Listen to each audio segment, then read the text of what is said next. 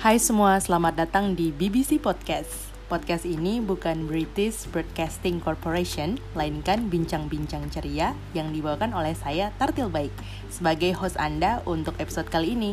Nah, di BBC Podcast kami akan membahas banyak hal dari hot issue, opini, tips dan trik, story, history, dan passion. So, stay tuned. Mungkin kalian sudah nggak asing lagi nih ya dengan kata filantropi, yang artinya kalau dalam bahasa Indonesia itu adalah kedermawanan. Nah, kayaknya nggak usah dibahas kali ya kalau misalnya praktik kedermawanan itu buat kita orang Indonesia tuh seharusnya kayak udah udah rampung gitu ya. Istilahnya menjadi gen kita yang terkenal dermawan dan ramah, baik hati serta tidak sombong. Tapi sebenarnya bukan tanpa alasan kita seterkenal itu sebagai orang yang ramah dan suka menolong gitu ya karena negara kita tuh sebenarnya mayoritasnya adalah masyarakat yang beragama alias yang memeluk keyakinan gitu di mana setiap uh, kepercayaan itu pasti mengajarkan untuk selalu memberi. Kalau kata umat muslim mungkin bersedekah gitu ya atau donasi atau charity atau apa pun itu yang dimaksudkan uh, untuk memberi sesuatu tanpa pamrih atau cuma-cuma. Tapi ada yang menarik nih sebenarnya kita kepo gak sih dengan kondisi masyarakat yang suka berbagi seperti ini dan ada nggak sih kira-kira lembaga yang menaunginya gitu ya? Dan bagaimana kira-kira perkembangan lembaga ini yang kita duga sebagai lembaga filantropi di Indonesia? Mungkin nggak perlu berlama-lama nih ya. Daripada aku ngelindur sendirian jadi sebaiknya kita bincang-bincang seru dengan guest kita kali ini. Nah beliau ini adalah salah seorang yang akan menyampaikan beberapa informasi yang mungkin akan memberikan kita insight mengenai lembaga filantropi dari Zakatin Official yang merupakan salah satu lembaga filantropi di Indonesia yakni Mas Kartika Nur Rahman. Tapi sebelum kita beranjak ke perbincangan kita yang seru ini, aku akan menyampaikan beberapa fakta nih untuk episode kali ini. Yang pertama, CAF atau Charities Aid Foundation menempatkan negara Indonesia masuk urutan ke-10 negara penduduknya yang paling dermawan. Dan menariknya, dalam survei World Giving Index 2019, negara yang berada pada urutan teratas dalam hal kedermawanan adalah USA, Myanmar, New Zealand, Australia, Irlandia, Kanada, Inggris, Belanda, dan Sri Lanka. Yang kedua, potensi gerakan filantropi yang dilakukan di Indonesia, contohnya Badan Amil Zakat Nasional atau kita sebutnya dengan Basnas ya, diperkirakan dapat mencapai sekitar 233,8 triliun dan pada tahun 2019 realisasi penghimpunan zakat dana zakat infak oleh organisasi tersebut, sorry, organisasi pengelola zakat resmi pengelola, pengelola zakat resmi mencapai 10 triliun. Nah, berdasarkan kajian yang dilakukan oleh lembaga-lembaga keuangan seperti Basnas, BI, dan Komite Nasional Ekonomi dan Keuangan Syariah, masyarakat yang tidak melakukan pembayaran ZIS atau ZIS itu zakat, infak, dan sodakoh melalui uh, eh, OPZ itu ya, organisasi pengelola zakat yang resmi di tahun 2020 itu sejumlah 61,25 triliun. Nah, fakta ini menunjukkan bahwa masih banyak yang tidak tercatat gitu ya.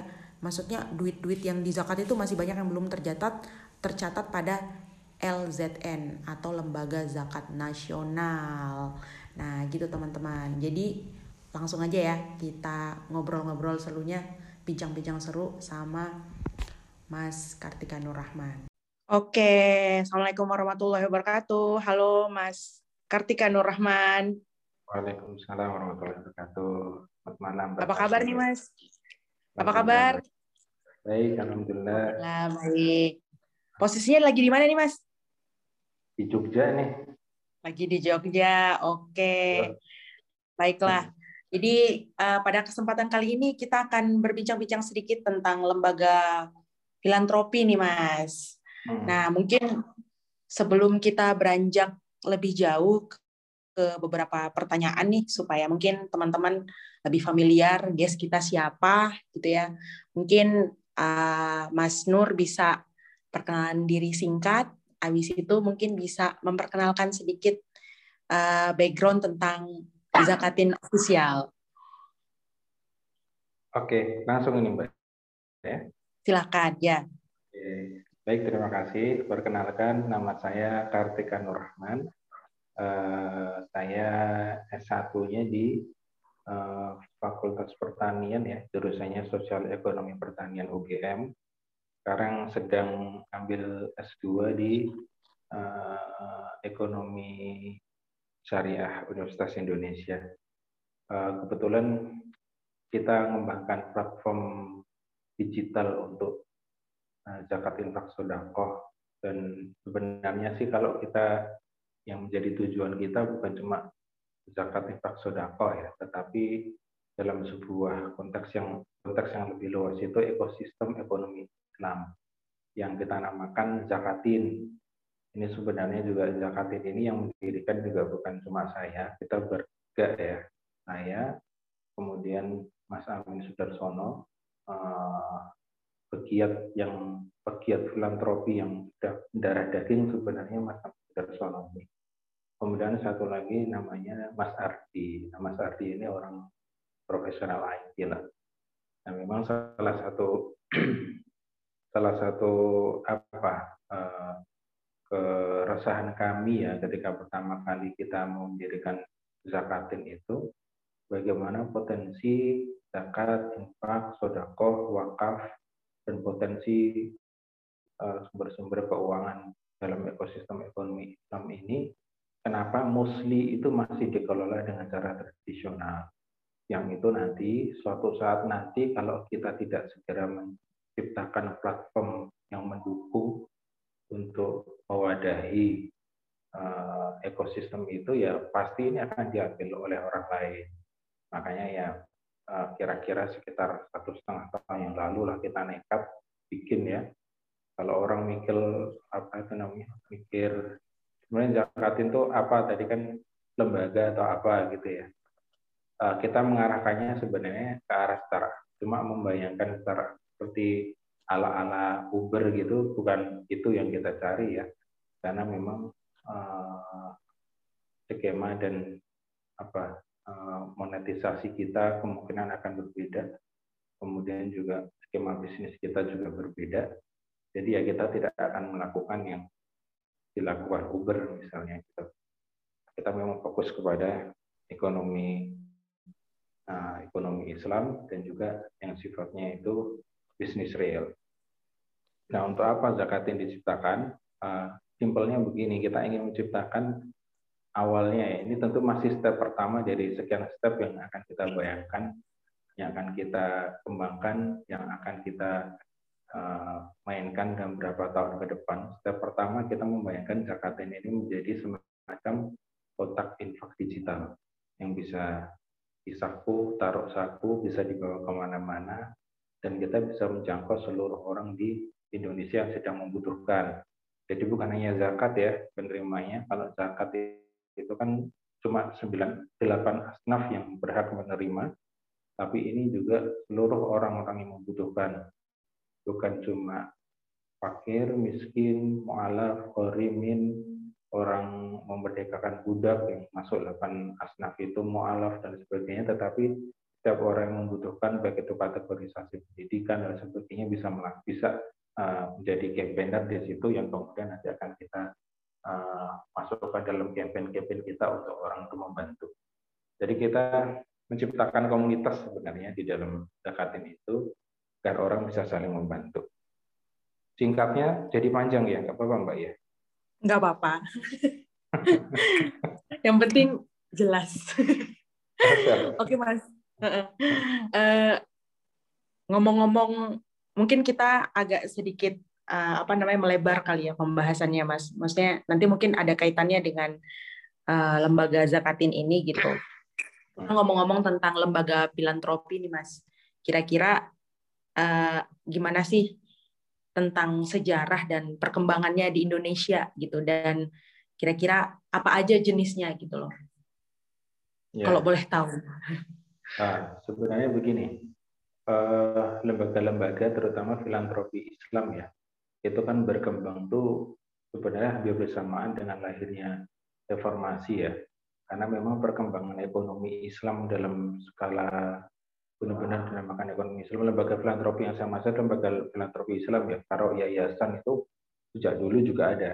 Tapi yang lembaga filantropi Islam yang itu sifatnya nasional dikelola dengan modern, karena kalau secara tradisional itu sudah berlangsung juga dari zaman-zaman dahulu ya, lewat masjid-masjid, lewat kiai-kiai dan sebagainya. Tapi kalau lewat lembaga itu bersamaan dengan reformasi yang itu sebenarnya impetusnya itu dimulai dari gerakan ekonomi Islam sendiri itu kan baru berkembang di dunia itu kira-kira tahun 60-an lah kalau nggak salah dari uji coba yang dilakukan oleh sebuah bank lokal di Mesir yang itu kemudian uh, dipelajari oleh uh, beberapa tokoh Islam sehingga melahirkan IDB.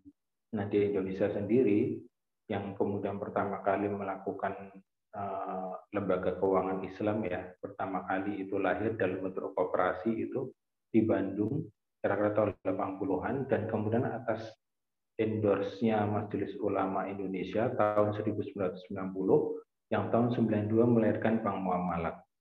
Nah awalnya sebenarnya dari situ yang kemudian berkembang menjadi uh, berkembang lagi menjadi lembaga filantropi Islam yang mengurus zakat, infak, sodakoh, kurban, dan sebagainya itu reformasi atau tahun 2000-an itu baru mulai menjamur. Nah, pada perkembangannya, kalau sekarang ini lembaga-lembaga filantropi tersebut itu uh, kalau untuk zakat itu negara sudah punya basnas. Basnas lembaga itu muncul sifatnya itu dari civil society di Indonesia, termasuk MUI itu kan civil society yang bukan negara. Ini agak berbeda dengan yang terjadi di Malaysia.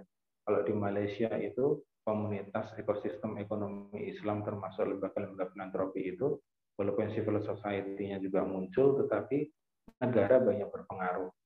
Nah, tapi kalau di Indonesia justru munculnya dari lembaga civil society itu.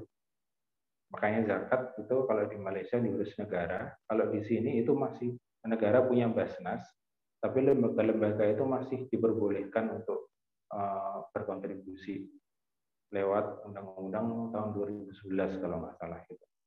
Nah di situ sekarang ada dua wadah besar ya kalau di lembaga-lembaga filantropi itu. Yang pertama eh, lembaga-lembaga filantropi Islam non ormas itu banyak berkumpul di FOS ya Forum Organisasi Zakat. Kemudian yang lembaga-lembaga filantropi Islam yang mempunyai ormas itu saat ini punya forum sendiri namanya Poros. Poros itu perkumpulan organisasi uh, zakat ya kalau nggak salah. Nah kayak gitulah kurang lebihnya.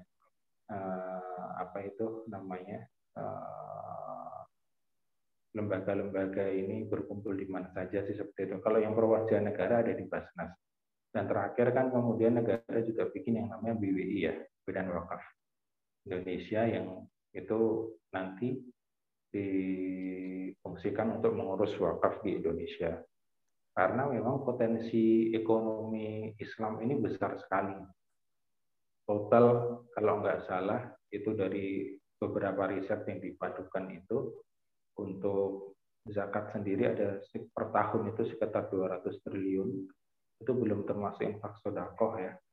Eh, kemudian kurban aja sekitar 60-an triliun dalam sekali waktu sebulan itu ya. Kemudian wakaf pun juga besar, totalnya ada sekitar 3 ribuan triliun, tapi itu termasuk industri ekonomi syariah ya. Di situ ada food industry, kemudian ada macam-macam lah, fashion dan sebagainya. Nah, kayak gitu. Kenapa kemudian saya dibayangkan ya. Jadi kalau membayangkan lembaga filantropi ini jangan dianggap sebagai uh, terlepas dari uh, ekosistem ekonomi Islam yang berkembang itu part of sebenarnya. Makanya kemudian pemerintah sekarang genjot holding BUMN syariah juga kan ya, jadi agen yang BSI gitu. Kayak gitu yeah. Hmm. Menarik ya. Ternyata memang uh, kalau dipikir-pikir potensi ya pernah baca-baca juga sih dan kemarin sempat uh, ada berita yang tahun lalu apa ya atau masuk tahun 2021 kalau memang uh, dana wakafnya Indonesia itu jadi sasaran untuk memperbaiki perekonomian di Indonesia seperti itu. Anyway, Mas, uh, tadi kan kita sudah ngomong ya tentang perkembangan lembaga filantropi yang ada di Indonesia gitu ya dan mungkin potensinya di Indonesia itu kenapa sampai Indonesia itu sangat berpotensi sekali kalau misalnya lembaga filantropi yang di uh, yang kebanyakan gitu ya dibuat menjadi lembaga zakat misalnya seperti itu tuh berpotensi sekali untuk memperbaiki perekonomian gitu. Nah, eh, kira-kira hal yang membuat lembaga filantropi satu dan yang lain itu menarik itu seperti apa, Mas? Gitu. Atau mungkin bisa diberikan ilustrasinya kalau misalnya dibandingkan dengan ini nih eh, CSR perusahaan atau corporate social responsibility dari perusahaan ini apa sih bedanya kalau dibandingkan dengan uh, lembaga filantropi yang lain? Mungkin di luar dari lembaga zakat ada lembaga filantropi yang lain. Kalau dibandingkan dengan CSR itu apa bedanya? Gitu. Kalau CSR itu kan sumber dananya kan dari ini ya, sumber dananya dari perusahaan tertentu ya. Tapi kalau lembaga filantropi itu kan dari publik ya dia eh, penghimpunan dananya. Jadi secara sumber-sumber pendanaan pun sudah berbeda. Kemudian yang kedua, biasanya sasarannya. CSR itu, CSR perusahaan biasanya diperuntukkan untuk eh, kegiatan-kegiatan yang diperkirakan bisa meningkatkan citra dan brand perusahaan. Jadi tentu saja eh, penyerahannya itu base-nya itu biasanya sasarannya di situ. Tapi kalau lembaga filantropi masing-masing punya ini masing-masing lembaga filantropi itu punya uh, sasarannya atau punya uh, brandnya masing-masing. Ada lembaga filantropi yang dia khusus menangani uh, eh, NTT yang dalam sekilas kita uh, melihat di situ banyak kemiskinan, keringan dan sebagainya. Ada lembaga filantropi yang seperti itu. Ada juga lembaga filantropi yang berfokus pada isu-isu medis tertentu. Itu ada juga uh, misalnya penderita kanker atau apa dan sebagainya yang butuh biaya dan sebagainya atau lembaga filantropi yang fokusnya kepada pendidikan itu ada juga gitu. Nah, jadi memang masing-masing berbeda. Beda yang paling utama sih menurut, saya ada di dua poin itu ya. Yang pertama uh, sumber pendanaannya. Kalau CSR itu dari perusahaan yang bersangkutan. Kalau lembaga filantropi itu dari publik ya yang tidak terikat biasanya. Kemudian yang kedua Eh, concern arah programnya. Concern arah programnya CSR itu biasanya berkaitan dengan uh, citra dan citra perusahaan ya, brand perusahaan dan sebagainya. Sementara kalau uh, lembaga filantropi ini ya masing-masing sesuai dengan concernnya di mana gitu. Jadi lebih spesifik ya kalau misalnya filantropi yang bergerak bergerak di bidang pendidikan gitu memang concernnya untuk memajukan pendidikan seperti itu ya. Kemudian kesehatan begitu seterusnya gitu ya dibandingkan dengan uh, eh, CSR itu menumbuhkan citra si apa namanya pemberi dana dari perusahaan tersebut. Baik, oke nih Mas, ini ada yang menarik nih. Aku sempat uh, kemarin ngulik-ngulik beberapa artikel, membaca beberapa artikel tentang lembaga filantropi ini gitu. Nah, ternyata lembaga filantropi ini tuh ternyata bisa untuk tujuan yang berkelanjutan atau ada uh, ada tujuan kayak ada sustainability ada sustainable goal-nya seperti itu. Nah, bisa dijelaskan nggak sih apa maksud dari dampak berkelanjutan yang yang yang mungkin bisa diberikan oleh lembaga filantropi ini khususnya di Indonesia? Dan yeah. contohnya itu kayak gimana aja sih kayak gitu. Jadi sebenarnya kan konsep konsep yang berkembang filantropi itu kan kalau orang sekilas dalam otaknya itu charity ya. Orang kasih gitu aja kemudian selesai. Nah memang akhirnya beberapa tahun terakhir ini kemudian mulai berkembang dengan bahwa harusnya yang diberikan itu juga bisa bikin sesuatu yang lebih produktif. Maka lahirlah itu kemudian misalnya wakaf produktif. Wakaf itu bukan cuma tanah tapi kemudian bisa dikembangkan. Misalnya yang terjadi di Singapura Singapura itu ketika orang mewakafkan tanah untuk masjid, masjid itu bisa dibangun sekian lantai dan kemudian ada aktivitas bisnis di situ. Nah ini menjadi menarik karena sebenarnya konteksnya misalnya wakaf ya. Untuk wakaf itu sendiri ada banyak sekali tanah yang termasuk di kebun-kebun sawit dan sebagainya yang mungkin bisa ratusan ribu hektar di Indonesia atau atau mungkin bisa lebih juga itu yang sifatnya tanah wakaf. Cuma kita nggak pernah punya satu data yang integral yang kemudian bisa memetakan bahwa ini tanah wakaf atau tidak dan sebagainya. Nah itu kalau dikelola dengan baik, wakaf itu karena dia tidak boleh berkurang tapi boleh menambah, boleh bertambah. Kita boleh dioptimalkan, boleh bertambah, tapi dia tidak boleh berkurang. Makanya kan ada sekarang wakaf saham dan sebagainya kan kayak gitu ya. Nah, sustainability-nya sih konteksnya seperti itu ya. Jadi bagaimana itu bisa memberdayakan dana yang diberikan ya biasanya untuk charity saja itu bisa diberdayakan. Caranya seperti apa? Ya tentu saja harus di, dibikinkan program-program yang produktif. Misalnya yang terjadi di Zakatin kemarin sempat juga dapat support untuk menanggulangi, untuk membantu uh, membantu para pedagang yang terdampak eh, COVID-19 jadi banyak pedagang itu yang tidak bisa jualan karena COVID-19. Akhirnya kita survei di beberapa titik di Jakarta Pusat ya, karena memang eh, saat itu ada support untuk daerah situ. Kita bikinkan semacam mini cafe gitu loh, dua lantai. Nah, akhirnya para pedagang itu bisa berjualan di situ dengan pendapatan yang lumayan. Tapi lagi-lagi karena ini masa COVID ya akhirnya pas begitu rame-ramenya COVID naik, dibatasi lagi, harus ada peraturan apa itu namanya perda yang mengharuskan seperti ini seperti itu ya akhirnya turun lagi gitu. Nah kayak gitu itu beberapa hal yang uh, banyak juga lembaga-lembaga filantropi lain yang melakukan hal yang uh, bagus juga dalam konteks pemberdayaan ini ya. Saya pikir sih konteksnya itu ya sustainability dalam konteks uh, apa itu namanya filantropi itu bagaimana mengubah yang sifatnya charity ini kemudian menjadi sesuatu yang lebih produktif.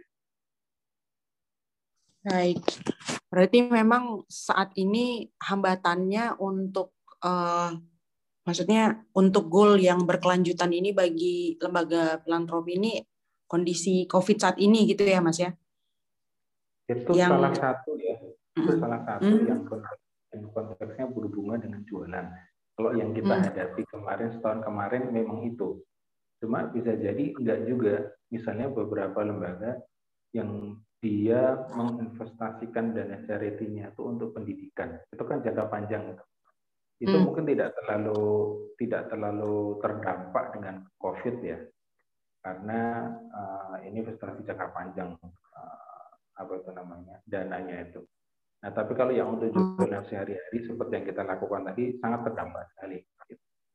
Oh, oke. Okay. Uh, eh, mungkin aku mau ini lagi Mas kayak mau apa kayak re recall memory. Jadi kayak misalnya teman-teman aku dapat beasiswa dari lembaga lembaga zakat kayak gitu-gitu tuh itu termasuk program berkelanjutannya kayak gitu ya?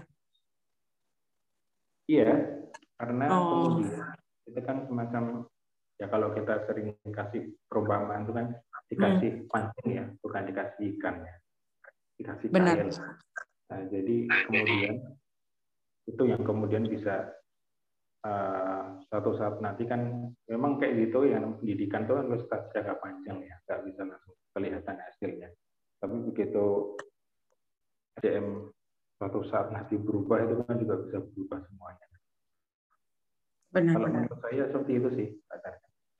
Oke, oke diskusi yang sangat menarik banget mas. Uh, walaupun sebenarnya singkat ya, mungkin seputar itu aja yang mungkin uh, aku tanyakan gitu. Nah, mas, last remark dari uh, Mas Nur ini apa sih untuk topik kita atau perbincangan kita pada episode kali ini? Apa mbak? Enggak dengar tadi? Last remark, last remark kayak okay, okay, uh, okay. ya. ya, ya Uh, gini deh, uh,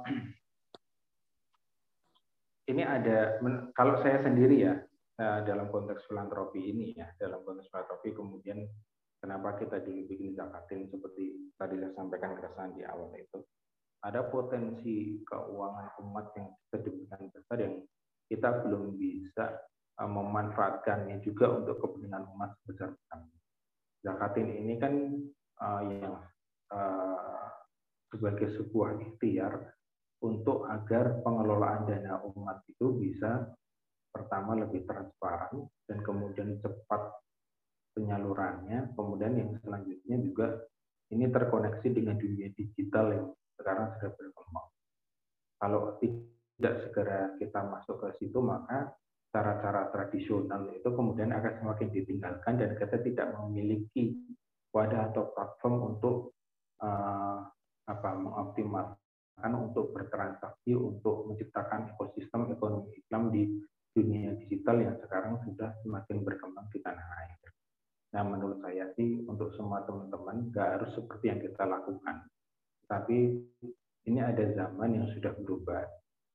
Kalau siapa dalam filsafat sering disebut sebagai zeitgeist ya. Ada jiwa zaman yang berubah, ada ruh zaman yang berubah, nah di mana teman-teman bisa berkontribusi pada umat, nah itu yang harusnya kita lakukan.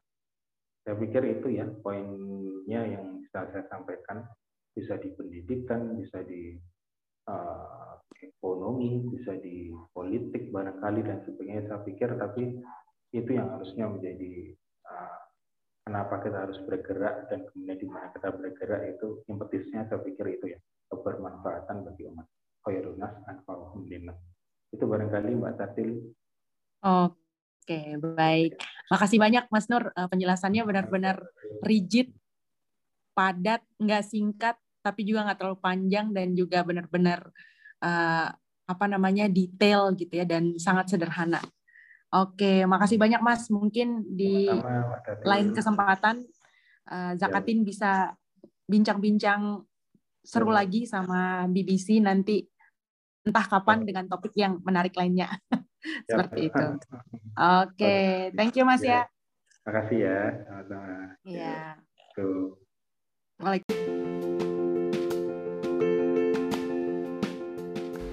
Thank you banget nih udah mau dengerin podcast ini. Untuk update, jangan lupa ya follow podcast kita di berbagai sosial media seperti Twitter, Facebook, dan Instagram at Bincang Ceria di Facebook Bincang Bincang Ceria.